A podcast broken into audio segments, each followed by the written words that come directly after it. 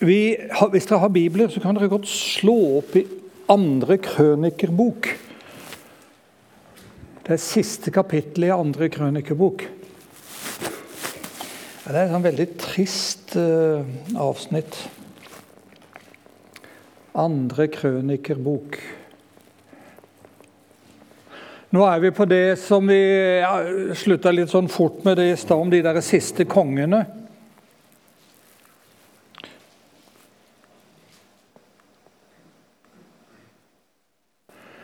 De siste kongene der i, i Juda rike. Og det står om alle sammen gjorde det som var ondt i Herrens øyne. Og så står det inntil Herrens harme mot folket ble ikke slett at ikke det kunne stoppes. Og så står det at slik gikk Herrens ord ved Jeremia i Jeg tror dere får det samme litt om igjen her. Ja, Jeg skal si litt om Jeremia først. da. Bare litt om Jeremia. Han, han var sønn av en prest, og han starter i kapittel 1 at han fikk kallet av Gud til å bli profet. Han sa jeg kan ikke, sånn, jeg er altfor ung. Jeg er for ung, jeg kan ikke bli profet. Og så sa Gud noe til Jeremia da at uh, jeg skal vise deg hva du skal si. Han var profet i Judariket uh, de siste årene før den store katastrofen med bortførelsen og tempelets ødeleggelse, og også etterpå. Og Han en, hadde veldig mye vanskeligheter. Han var en ensom mann, og han fikk veldig mye vanskeligheter. Hans forkynnelse det gikk på at eh, han forkynte at de Hvis dere har nå eh, andre krønikebok, kapittel 36, har dere det foran dere? Noen av dere i alle fall. Og det står i vers 11 der, og 12 så Sidka var 25 år da han ble konge. Han regjerte Jerusalem i 11 år. Han gjorde det som var ondt i Herrens øyne. Og han ydmyket seg ikke for Jeremia, profeten som talte ord fra Herrens munn. Jeremia er midt oppi den store forfallstiden i Judariket, der kongene gjør det. Og han forkynner igjen og igjen at de må omvende seg og vende seg til Gud igjen og be om tilgivelse og de hørte ikke på han. Han hadde det veldig, veldig, veldig vanskelig. Han var en ensom mann. Det går igjen flere ganger. og Det står mange ganger om Jeremia. Han gråt, står det. Han er liksom gråtens uh, profet omtrent. Han hadde veldig mye motstand. Og Så hadde han skrevet ned en del av profetiene, og så får kongen tak i det, og så river han det i stykker alt sammen og brenner det opp. Men hos Jeremia så har vi noen kjerneord. Jeg skal bare nevne det kort for dere. Eh, husker dere det ordet om han som gikk ned til pottemakeren og så så når pottemakeren lagde til? Og hva gjorde pottemakeren når det ikke ble fint nok? Hva gjorde han da? Da klemte han det sammen i en leire, og så prøvde han å lage på nytt. Det er en av de, Jeg har satt denne leiren i pottemakerens hånd. Det er en av de eh, skal jeg si for noe, bibelstedene som veldig mange Når de skal ha en åpning på et møte, eller noe sånt, så leser de det med leiren i pottemakerens hånd. Gud kaster det ikke vekk, det er det det ligger. Men han tar det tilbake igjen, og så klemmer han det, og så omformer han det. og så prøver han å lage noe fint. Sånn er det med pottemakeren, altså lager med keramikk. Sånn var det den gangen. Og så bruker Jeremia det som et eksempel på Guds nåde når det går gærent for oss og ikke vi vil gå på Guds veier, så tar Gud og så gjør han kanskje hardt og vondt av og til for å få oss sånn som han vil at vi skal Han kaster oss ikke, men han omformer oss sånn at han får oss slik som han vil. Og så eh, tar vi ja, det, Og så kjenner dere det i 2911. Er det noen av dere som kjenner det ordet? For jeg vet hvilke tanker jeg har om dere fredstanker og ikke tanker til ulykke, står det. Og Det er også sånn som veldig mange syns er gode ord i Bibelen. Og det står midt i en sammenheng. Det var etter ødeleggelsen av tempelet og alt det der. Så skriver Jeremia til de som er i Babylon, og sier at Gud har ikke glemt dere. Det er i den forbindelse. Og jeg syns det kapittel 31, men jeg har ikke, til, har ikke, tid til å gå inn på det nå, er et av de fine ordene der. Det, det henviser Altså, Folket hørte ikke på profetene. Kongene hørte ikke på profetene. Og Guds lov og Moseloven de fulgte ikke budene. Og den loven med Moses det var hvis dere holder mine bud, så skal dere være mitt eiendomsfolk. Hvis dere gjør det og det og det. Og hvis du vasker bilen min, skal du få 200 kroner. Og hvis du ikke vasker bilen min, hvor mye får du da? Ingenting. Det er liksom Moseloven. Det er det vi kaller en tosidig lov. Mennesker har forpliktelser, og da skal Gud gi dem igjen. Og Hvis ikke de holder budene, så blir det også straff. Og så står det i 31 Jeremia Det kommer en dag, står det, da jeg vil opprette en ny pakt. Ikke en slik pakt som dere brøyt, står det. Men en helt ny, en annerledes pakt. Og så står det om igjen ikke Gud som stiller krav, men sier 'jeg vil gjøre det, jeg vil gi', jeg vil Det vi kaller en ensidig pakt. Alt ligger hos Gud. Og Da kan vi hoppe inn i Nytestamentet med en gang. Jesu frelsesverk. Hvor mye kreves av oss? Vi bare tar imot. Det er den nye pakten. Nye, nye testamentet, nye avtalen. Men eh, stakkars Jeremia han er også den regner de med, som har skrevet i dag den boka som vi kaller for Klagesangene. Nå skal vi gå til Juda rikets undergang. Her kommer litt av det samme som vi sa. Folket og kongene og prestene de ville ikke mer, og de gjorde det som var vondt i Herrens øyne, og de gjorde igjen tempelet ureint. Og hva gjør Gud da? Han sender babylonerkongen Nebukadneser og tar Jerusalem. Nå skal det sies det hadde vært to ganger før at babylonerne hadde angrepet og bortført noen av folkene. Men den tredje gangen når han angriper, så er det ikke bare sånn lite grann. Da tar de hele greiene, og de dreper for fote. Nå er vi i kapittelet 6 her nå, i 36 fra vers 17. Da lot kalderkongen dra opp mot, mot, dem. Han drepte de unge mennene deres med sverd i helligdommen. Han skånte verken gutter eller jenter eller gamle eller skrøpelige. Alt ble overgitt i kongens hender. Alt utstyret i Guds hus, både stort og smått, skattene i Herrens hus og skattene til kongen og stormennene hans, alt tok han med seg til Babel. Babylon det er dagens Irak. Så brente de opp Guds hus og rev ned Jerusalems murer. Alle borgerne i byen satt, borgene i byen satte de i brann, og de ødela alle kostbare gjenstander. Og de som slapp unna sverdet, førte han i eksil til Babel, Irak om dere vil. Der ble de slaver for ham og sønnene hans helt til perserne fikk makten. Slik ble Herrens ord gjennom Jeremia oppfylt, står det. Det var det Jeremia hadde forkynt. Og Folket ville ikke høre, og så kommer straffen for folket og alt dette greiene her. Og så blir folket ført til Babylon. Dette er en av de to største katastrofene i Israels historie. Den andre største katastrofen det er i år 70 etter Kristus, når romerne ødela tempelet og alt det igjen, og 60 år etterpå når de ødela hele byen. Romernes herjinger. Men dette er et så mørkt kapittel i Israels historie at det er faktisk vanskelig for dem den dag i dag å snakke om de tingene her. Fangenskapet i Babylon. De hadde det bra. De hadde det faktisk mye bedre enn de trodde. De trodde at de skulle bli drept og det, det besto at de skulle, de skulle, være slaver. Det var bare en halv sannhet, for å si sånn. De hadde det faktisk ganske godt. De, det. de fikk lov til å bygge egne hjem. De fikk lov til å starte sitt eget arbeid. De bodde like ved elv faktisk, og hadde det fruktbart og greit. Det står det om Esekiel. Esekiel var allerede i Babylon da. Han var med i en av de tidlige bortføringene. Profeten Esekiel. Han var der allerede. Og så fikk de lov til å dyrke jorda, så fikk de lov til å drive handel. Og her sitter de med alt det der greiene der. Og mange fikk også embeter i det babylonske riket. Og da kan vi spørre so what? Hva er problemet for dem? De hadde det jo godt. De hadde det veldig godt. Hadde de det? Fikk til og med beholde kultur og religion sånn et stykke på vei iallfall. Hva var problemet?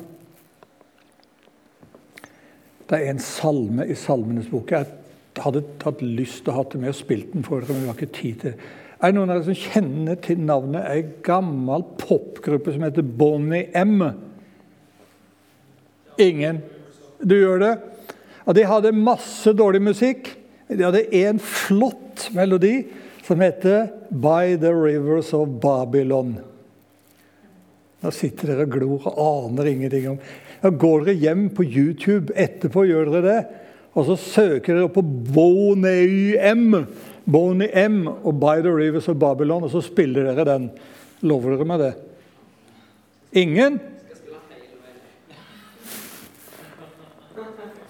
Og de synger bibelteksten. Jeg tror ikke de var i nærheten av å være kristne. De synger den bibelteksten. De synger den bibelteksten. Det er Salme 137, vel elven i Babel. Der satt vi og gråt når vi tenkte på Sion. Det er salmen. By the rivers of Babylon osv. Og, og så ber de, og så sier de at folket der i Babylon ba oss å synge Sions sanger, altså de israelske sangene. Men hvordan kan vi synge når vi er i fremmed land, sier de. Og så videre. Jeg må spille den der. Og det er Salme 137. Hva var det som var problemet for jødene i Babylon? Hva var problemet? Det var én en eneste ting. De hadde ikke tempelet. Det viktigste i hele samfunnet. De hadde ikke tempelet lenger. Og de lengta tilbake Jo, de lengta tilbake til landet sitt, men de lengta også tilbake til tempelet. Kjernen i hele Israels identitet, den lå i tempelet der. Og Jeremia han hadde skrevet at en gang om 70 år skulle dere komme tilbake, men det var så forferdelig lenge til. 70 år, og så Hva gjør jødene da? Hva gjør de mens de er i Babylon? De gjør noe viktig. De sier det at eh, vår tro er ikke bare tempeltjenesten. Det er ikke de ytre handlingene. Men det er det indre det kommer an på. Og så blir tiden i Babylon en det vi kaller smeltedigel. Det blir omforma. Det de hadde fra før, blir jeg skal ikke si revet ned, for det blir så negativt, men det blir omforma. Gudsdyrkelsen blir mye mer personlig. Det er ikke bare å komme med offer og gi til prestene i tempelet, men nå begynner det å gå inn på de sjøl. Mye mer personlig, hele greiene her. Og det ble ei en reform, om jeg kan bruke det ordet, for jødene. Og Her er det profeten Esekiel står midt oppi dette greiene her. Vi skal kjøre veldig fort. Han var prestesønn, og han var blablabla. blab, blab, blab. Og Han var altså en bruker ikke mektig, men han hadde veldig veldig, veldig stor innflytelse på jødene som var i Babylon. Han var der sjøl, sammen med dem. Og Boka hans den er veldig mye omtrent som profeten Jesaja med domsforkynnelse til å begynne med. Og mye av den domsforkynnelsen er før den siste bortførelsen. Før tempelet ble ødelagt. Han advarer, han skriver til Jerusalem og advarer de, og sier nå må dere vende om før det er for seint. Men de hørte ikke på han heller. Men etter at eh, Jerusalem ble ødelagt, så forkynner han igjen det skal komme en frelse det skal komme. Og særlig det kapittel 37 har veldig mye om dette greiene her. og Det skal bli liv igjen i de døde beina og noen sånne ting. Vi må bare kjøre fort her nå. Og tiden i Babylon, den er altså veldig, veldig, veldig viktig for dem. Skal vi si litt om hva det er for noe? Hva gjorde de uten tempelet? Jo, de måtte finne en annen type å tjene Gud på. De oppretta det som heter synagoger. Synd det er noe sånn sammen, sammenkomst. Så oppretter de synagoger. Og så ble det ikke ofring, men da leste de fra skriftenrullene, det de hadde. Leste Bibelen, vi får si det sånn. Og så utla de tekstene. Forklarte hva dette var for noe. Og så ba de. Og så sang de på sabbaten. Og så begynte de en form for gudstjeneste som ikke var en tempelofringstjeneste, men på mye mer personlig av de tingene her. Og det fra den tida og til i dag så er det den viktigste måten som jødene samles på til Guds, sine gudstjenester. Det er i synagogene. Noen synagoger er små, noen er store. Er det synagoger i Norge? Oh yes. I alle fall i Oslo og i Trondheim vet jeg det. Eh, jødene har, Hvis det er ti jødiske familier eller mer, så skal de ha en synagoge. Er det det, så skal de ha det. Ja, det har de. Og Det var på Jesu tid òg. Gikk Jesus i synagogen? Ja, han gikk i synagogen. Det står til og med 'som han pleide'. står det. Han pleide, Jesus gikk i synagogen. For etter, selv om de kom tilbake fra fangenskapet i Babylon, så fortsatte synagogene. Utover hele det romerske riket så var det synagoger der hvor det var jøder. Og Apostelen Paulus på sine misjonsreiser gikk alltid til synagogen først. Dette var eh, skal vi kalle det oppfinnelsen fra eh, Babylon-tida. De begynte med synagogen. Og Der er bare en skisse Det er en liten synagoge. Hva minner den dere om? Minner ikke det mye om et norsk bedehus? I gamle dager, i alle fall? Det er akkurat det det er. Et norsk bedehus. Hadde du noe lys i denne greia her? Ja, dere ser. Der framme med de røde gardinene der hadde de bokrullene sine. Der har jo vi bedehuset kanskje et kors, eller noe sånt. Da. Men der hadde de skriftrullene. Bibelen, om dere vil. Og så har de en talerstol der, ser dere, og så har de benker og så har de litt sånn forskjellige ting. Til og med galleri eller oppvemmer som måtte sitte oppe på galleriet? Det var kvinnene. Det må de ennå. Får ikke lov å sitte ned sammen med mennene. Ja, det er helt riktig. Men det er sånn i alle fall. Vi får si det sånn. Så tar vi ikke mer i det.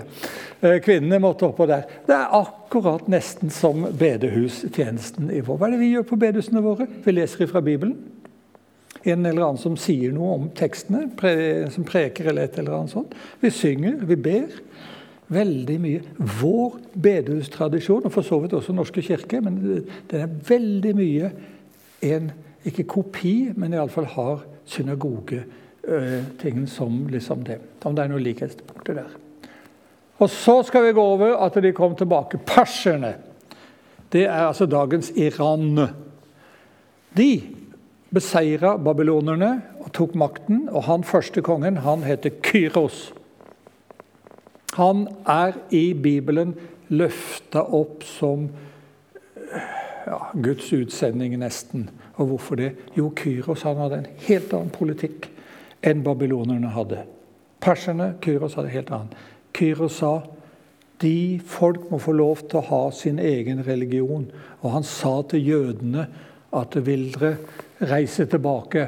Ja, Han har nevnt masse. Han har nevnt i mange av bøkene her. Og så sier han det at de skal få lov til å reise hjem. De skal få lov til å reise hjem, og ikke bare få lov til å reise, men han sier til og med at vi skal få med dere alt det som ble røva den gangen for mange år siden. Noe av det var kanskje ødelagt, men det skal dere få lov til å Eh, få med dere. Og det, Tenk hvordan det var for folket å få lov til å Nå skal dere få reise tilbake igjen til Israel. Nei, alle reiste ikke. Gjorde ikke det. Hvorfor reiste de ikke? De hadde det for godt. De hadde det altfor godt. De hadde det så fint. Hvorfor skal vi bry oss om å reise tilbake til Jerusalem når vi har det så fint her i Babylon? Vi har alt vi trenger. Og så brydde de seg ikke om å reise tilbake. Og hva var det de skulle reise tilbake for å gjøre? Særlig bygge opp igjen tempelet. Nei vi, nei, vi kan ikke det. Vi orker ikke. Det er for så langt. Vi kan ikke. Og så var det noen som dro. Og har dere nå andre krønikebok foran dere? Kapittel 36. Hva, bare bla rundt. Hva er neste bok? Neste bok Esras bok. Og Den omhandler gjenoppbyggingen, det å komme tilbake igjen til Israel etter fangenskapet i Babylon, og gjenoppbyggingen av tempelet. Det er innholdet i Esras bok. Um, jeg pleier ofte å si det er ett kapittel dere ikke må finne på å lese. Hvis du, noen som ber deg Spør har du et sted i Bibelen som du syns jeg bør lese. Vet du hva du i hvert fall ikke skal si? Du skal ikke be deg lese Esra kapittel 2. Det er det kjedeligste kapittelet i hele Bibelen. Det er grusomt kjedelig. Det er helt forferdelig kjedelig. Jeg sier ett av de kjedelige, bare for å være litt forsiktig. Det er det kjedeligste. Skal vi se litt på det likevel, sier. Skal få se litt av det. Det er litt i kapittel 2, Esras bok. Ser ikke det kjekt ut? Det står om hvem som reiste tilbake til, til Jerusalem. I vers 3 så står det 'etterkommerne av Parosh'. De var 2172. Og I vers 4 står det 'Shefatya'. De var 373. Og de av Ara var 775. Og de er bla, bla, bla, bla. Så og så mange. Det er stort sett kapittel 2. Det står nevnt i de forskjellige slektene hvor mange de var som reiste tilbake. Hvorfor er det viktig for oss? Det er ikke viktig for oss i det hele tatt. Men det var viktig for de å vite den gangen hvor mange det var. Men hvorfor nevner jeg kapittel to her? Jo, det er to personer i Esras bok som vi skal snakke, som blir hovedpersoner nå. Og dere som har kapittel to foran dere, i vers to så står det om de som vendte hjem. De kom sammen med Serubabel og Josva. Ja, Det var 50 000 står det her, som reiste sånn cirka, hvis du legger sammen. Men de to, Serubabel og Josva Serubabel han var den skal vi kalle det, politiske lederen. Det gikk bra. Ikke knust. Hadde vært på Drottenborg, og de knuser. Hva gjør de da? Da klapper de. uh, Serubabel han var den politiske lederen. Og Josva det er ingenting med han Josva eh, som eh, overtok etter Moses. Det er ingenting med han å gjøre. Dette er en helt annen Josva. Helt annen Josva. Han var øverste prest, han var den åndelige lederen. De to lederne var lederne for de 50 000 som reiste tilbake til Israel etter eh, fangenskapet i Babylon. Og Det første de gjør når de kommer tilbake, det er å si til dem reis Finn dere tilbake til der fedrene deres, forfedrene bodde, og slå dere ned og få bygd dere noe hus og et eller annet, så dere kommer i gang. Og så satte de en frist, og så sa de at eh, de skulle begynne å bygge tempelet. Og i det sjuende måneden så skulle de komme tilbake. I sjuende måneden så skulle de komme tilbake til Jerusalem. Og da samles de altså, Da bygde de et alter. Det var ikke så veldig mye. Et alter der tempelet hadde stått. Nå har de fått etablert seg sjøl hjemme. og så Etter sju måneder så kommer de tilbake til Jerusalem og så sier de nå skal vi begynne. Nå skal vi begynne med vår viktigste oppgave, å bygge opp igjen tempelet. Men vi får bare bygge et uh, lite alter foreløpig. Og så var det andre folk der, og de var livredde for de, men de klarte i alle fall å gjøre litt. Og så organiserer de, så sier de din slekt, dere skal samle sammen det, og din slekt skal samle sammen det, og din der, der, de, do, do, do. Om sju måneder møtes vi her igjen. Og da har dere samla byggematerialer, og så går vi i gang. Og da, Nå er vi i kapittel 3, i vers 8. Har dere det foran dere? Det er et vers der som er så fint, syns jeg. Eh, så kommer de tilbake igjen. Nå er det gått det er litt over et år. Og Så samles de i Jerusalem, og hva er de skal for noe nå? Nå skal de legge grunnvollen til tempelet. Da er det steiner sikkert ferdig hogd og alt sammen. og Så måler de opp og så legger de utover. Og Så bygger de først hele grunnvollen og så sier de, her, her, her skal tempelet ligge. Og så er de så glad. Endelig er de kommet i gang. Og de jubler. Jeg hopper ned til vers 10 nå. Bygningsmennene la grunnvollen til Herrens tempel. Så stilte prestene seg opp i full skrud med trompeter. Og levitene, Asafsønnene, stilte seg opp med symbaler for å prise Herren, slik Israels konge David ville. Og de stemte med lov og takk til Herren, og han er god, og hele folket jubla osv. Klarer dere liksom å se for dere at Yes! Nå er vi i gang. Det var fest i Jerusalem den dagen, og alle jubla høyt. Nesten. Og noen gråt. Hvem er det som gråter? Nå sitter dere og leser i Bibelen, dere som har Ja, hvem er det som gråter når de, de andre jubler? Det er sånne som meg, det. Det er sånne som meg. Og hva sier gamle folk? Hva sier de for noe? Hva sier gamle folk for noe? De sier at alt var mye bedre før. Og så står det Salomos tempel, sier de. Det opplevde vi, det husker vi da jeg, fra da jeg var guttunge. Det husker jeg, sier de gamle. Blir denne greiene her blir ingenting, det er bare noe dårlige greier. Og jeg tror hvorfor jeg syns det verset er så herlig. Generasjonsmotsetninger har det vært så lenge verden har bestått, også i Guds rike.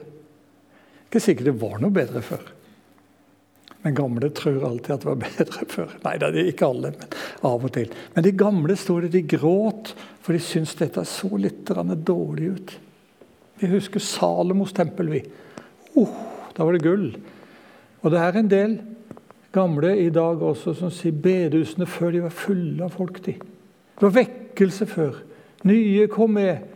Nå er det bare vi gamlingene igjen på bedehuset. Ungdommene, jo Her er det mye ungdommer i Kristiansand, det vet jeg. Men liksom en, noen i Grimstad òg er bra i Grimstad òg. Men det er liksom bedehusene rundt om. Nei, nå er det så trist. Og det var noe helt annet før. Og så, Det hører med å ikke bli altfor sint når de gamle kommer med den der tonen der. Og så skal vi gamle prøve oss å glede oss sammen med dere. Er dere med på den der? Og Det er noe bibelsk med det der, men skal ikke si mer om akkurat det. Men sånn var det i alle fall den gangen. Men det som er litt verre, i kapittel 4 i Esras bok så står det om at det ble motstand.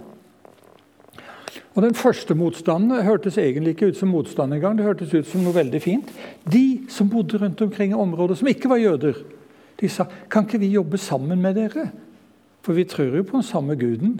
Nei, sa de, Serubabel og Josfa, det gjør vi ikke. Det gjør vi ikke. Vi skal bygge Herrens hus alene, ikke sammen med dere. Det står der. La oss få bygge, sa vi har den samme guden, sa de. Nei, sa de. Det har vi ikke. Dere ofrer til hedenske guder. Vi ofrer til den ene sanne Gud i himmelen. Og vi kan ikke være sammen med dere. Vi vil ikke. Kan ikke og vil ikke. Kan vi tenke litt, skal vi ikke gå for mye inn på det, i dag Ja, vi tror på den samme Gud i hytt og vær, hadde jeg nær sagt. Vi gjør faktisk ikke det, altså. Og så er det en ting til. Så begynte de andre da å bli ganske sure på dem. Og så begynte de å skrive anklagebrev mot jødene og sendte til Kyros, kongen, perserkongen, og sa jødene er noen fæle folk. sa de. De kommer til å gjøre opprør. Skulle ikke latt de få lov å komme hit en gang. Hele brevet står her i kapittel 4. Og Så sier de at de snakker stygt om kongen eller keiseren også. og Det gjorde de ikke, men det sa de. Og så sier de de kommer til å nekte å betale skatt, og alt er bare dritt med det folket som er kommet her nå. De anklager jødene for keiseren eller for kongen. Og så er det én ting til. De begynte å bli voldelige.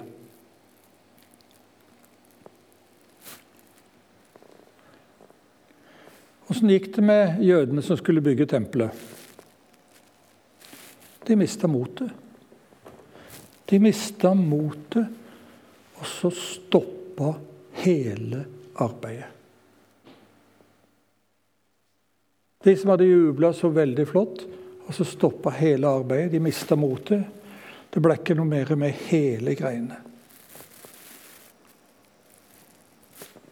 I nesten 20 år stoppa arbeidet. Hvem var det som skulle lede arbeidet? Det var Serubabel. Han svikta. Det var Josfa, ypperste presten. Han svikta. Ett år, to år, fem år, ti år, 15, 17, 18 år. Nesten 20 år. Ingenting skjedde. Hvordan tror dere, de, hvordan tror dere øverstepresten Josfa hadde det i den tida? Tror du han hadde en god, god fin samvittighet og syntes alt var bare bra? Jeg tror han hadde det sånn. Han som hadde kommet til Jerusalem og Serubabel, og alle de andre for så vidt også, med 'Yes! Vi skal få til dette.' Altså, Nå lå det flatt alt sammen. Ingenting skjedde. Men vi tenker av og til sånn tidsmessig å, det var en liten stund. Det var ikke en liten stund. Tell dere 18-20 år framover. Hvor gamle er dere da? Da er modne, nesten gamle mennesker. Da er dere gått opp, langt opp i livet. Tenk på hva som kommer til å skje i de neste 20 årene for dere. Og det ligger bom stilt, og ingenting skjer. Jeg tror at både Josva og Serubabel hadde det fælt. Kanskje de prøvde litt, og ingen ville høre på det. ingenting. Liksom det, var ikke noe mer. Og hva gjør Gud? Jeg sa i stad jeg tror kanskje Gud skal reise opp en ny Hans Nilsen Hauge til Norge. Og så reiste Gud. Han sendte inn Hans Nilsen Hauge til de som bodde der. En liten profet, Haggai. Og Hvis jeg nå hadde spurt dere hva vet dere om profeten Haggai Det er den nest siste boka i Gamle Testamentet. Eh, tredje siste boka i Gamle Testamentet. To små kapitler. Det står om en profet som heter Haggai. Og vi vet nesten ingenting om han, annet enn én ting. Han holdt fire små taler. Og dette er lekse, sier jeg bare. Lekse. L-e-k-s-e. -E, lekse. Dere vet hva lekse er for noe? Dere leser profeten Haggai når dere kommer hjem i kveld. Og hjelp meg, den som ikke gjør det. Ja, to små kapitler. Så sender Gud en mann som er så liten altså det er Sikkert ikke fysisk, men Jesaja 66 kapitler, og kongelig og adelig kanskje. Vi vet ingenting om denne fyren. her, Han er helt ukjent. Han holder fire små taler i løpet av noen korte uker eller måneder. Og de talene, Det er, det, det er hele boka hans. Det er ikke noe mer. De talene, Vi skal se litt på de. Og det første talen, De to første til og med, det er at Haggai taler til hvem? Til Serubabel og til Josva. Og til folket, kan du gjerne si det, men er, han taler først og fremst til de to.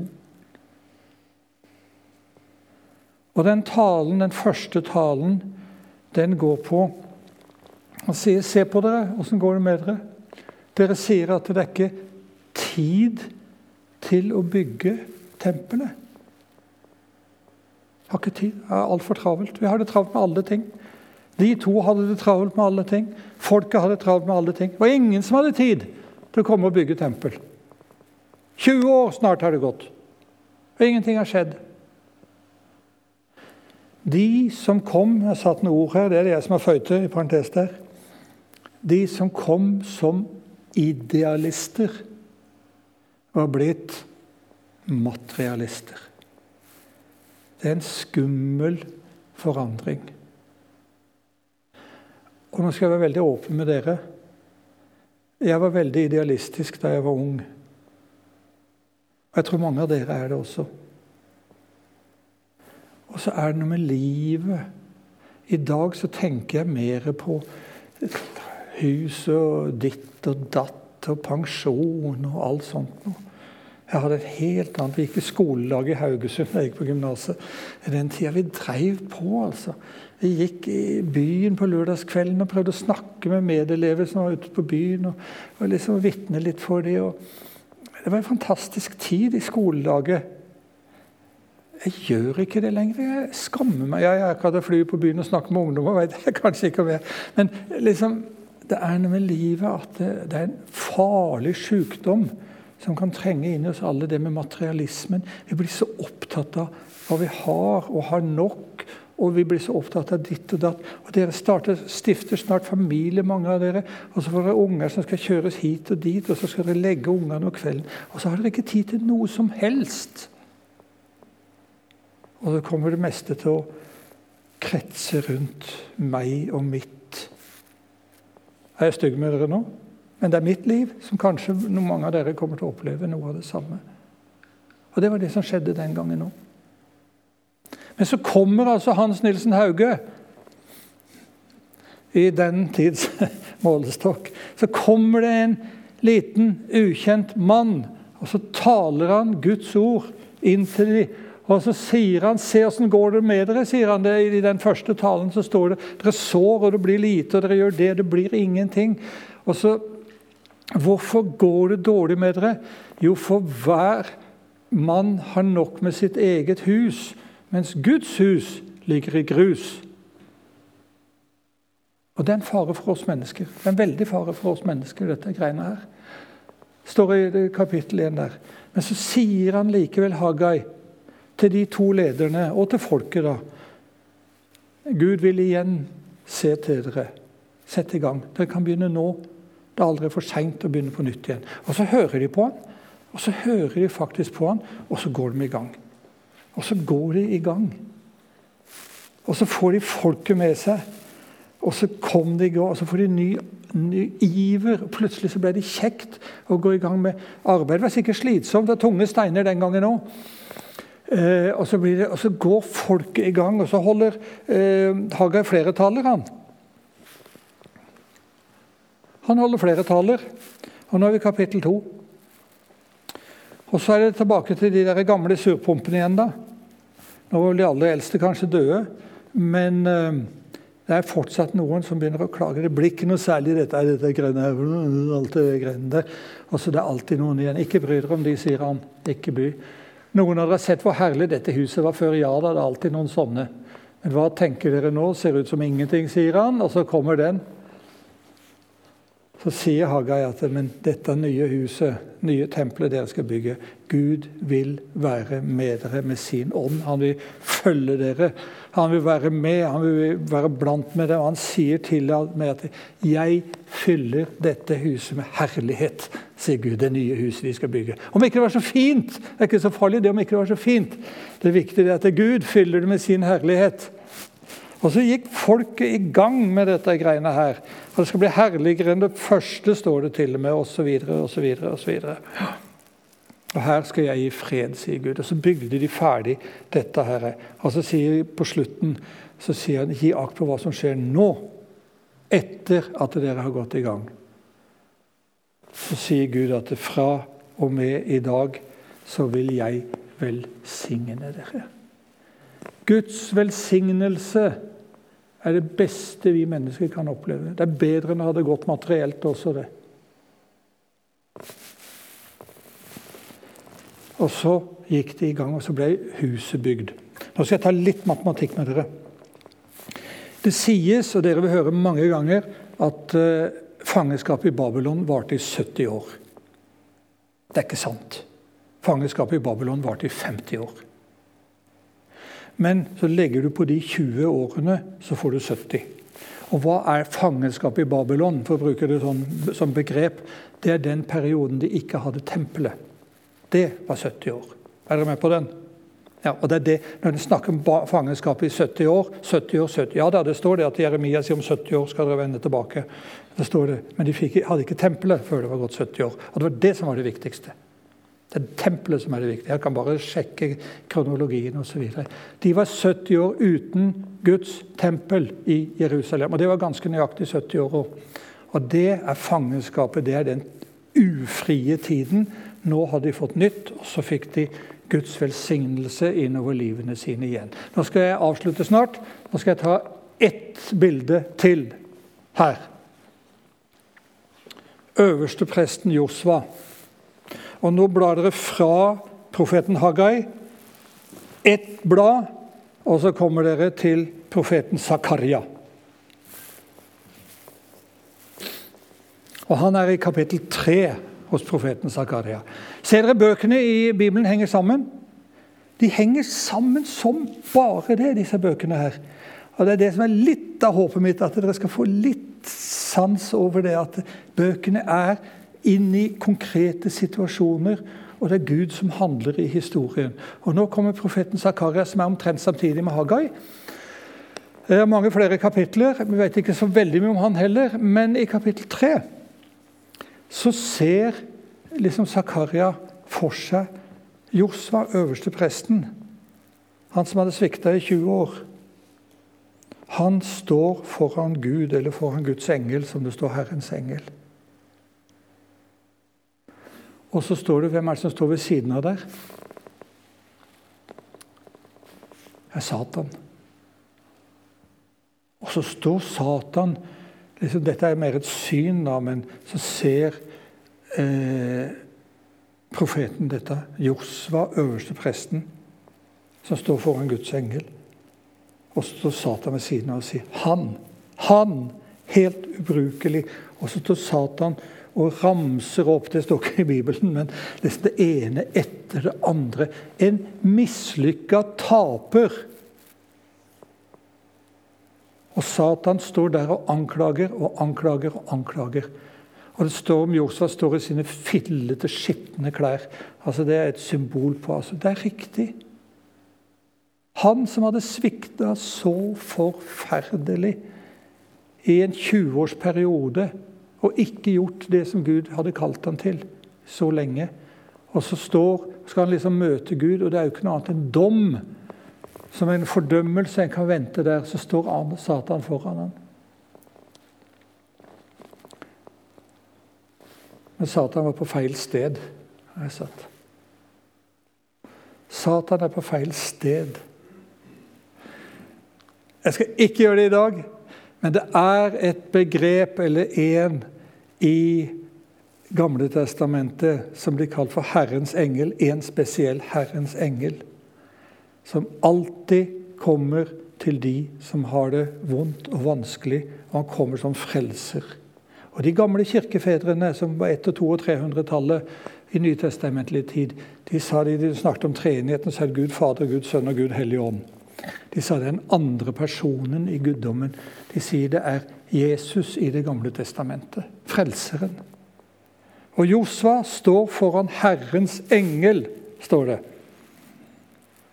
Og blir dømt av Satan. Men det er feil sted for Satan å komme til. For foran Herrens engel så er det ikke det var feil vei den veien. Hva sier engelen? Hva sier engelen for noe? i vers 4.: Ta de skitne klærne av ham. Og så sier engelen også 'Jeg tar bort din syndeskyld'. Og så sier han 'Jeg kler deg i festklær'. Altså Det er jo som å lese Nytestamentet, er det ikke det? Hvem er det som tar bort våre synd? Se, der er Guds lam som bærer verdens synd sa døperen Johannes. Hvem er det som tar bort synda vår? Hvem er det? Ta de skitne klærne av han. Jeg tar, jeg tar bort din syndeskyld. Og hvilke klær er det vi får? Vi får festklær. Vi bytter plass. Og I nytestamentlig språkbruk vi bytter plass med Jesus. Han tok vår plass, og vi får hans plass. Og Sånn var det for Josva òg. Han som svikta så grundig. I nådens rike så er det sånn. De som har falt mest, og de som har gjort mest gærent, og de som har minst å skryte av i livet, de får også nåde, og de får festklær framfor Gud. Og Sånn er det også for oss. Og Nå hopper vi inn i Nytestamentet, så er det vårt evangelium. Eh, det som vi, når vi leser Nytestamentet Han som ikke visste av synd, står det, ble gjort til synd for oss, for at vi i ham skal bli rettferdige for Gud. Det er akkurat det som skjer med øverstepresten Josva her. Han hadde ingenting å komme med. Og så får han oppleve tilgivelse og bli kledd i Guds fulle rustning med hvite, rene klær, Guds klær, for tilgivelse. Og så ble tempelet det ble ferdig. Det var det tempelet som sto i mange hundre år. Det var det tempelet Jesus gikk når han gikk opp på tempelplassen for å be osv. Var der, så var det dette tempelet som sto, det som disse folkene her bygde den gangen. Plassen rundt var blitt større. Kong Herodes hadde blitt selve tempelet. Det var det som sto på Jesu tid. Og det er Jesu tempel som disse her bygde. Dette er det siste som er i Det gamle testamentet. Det står én profet igjen, Malaki. Men dette er slutten på Det gamle testamentet. Det er at tempelet blir bygd opp igjen, og tempeltjenestene kommer i gang. og Den varte da i 400-500 år omtrent, til romerne da ødela det. Skal vi folde hendene.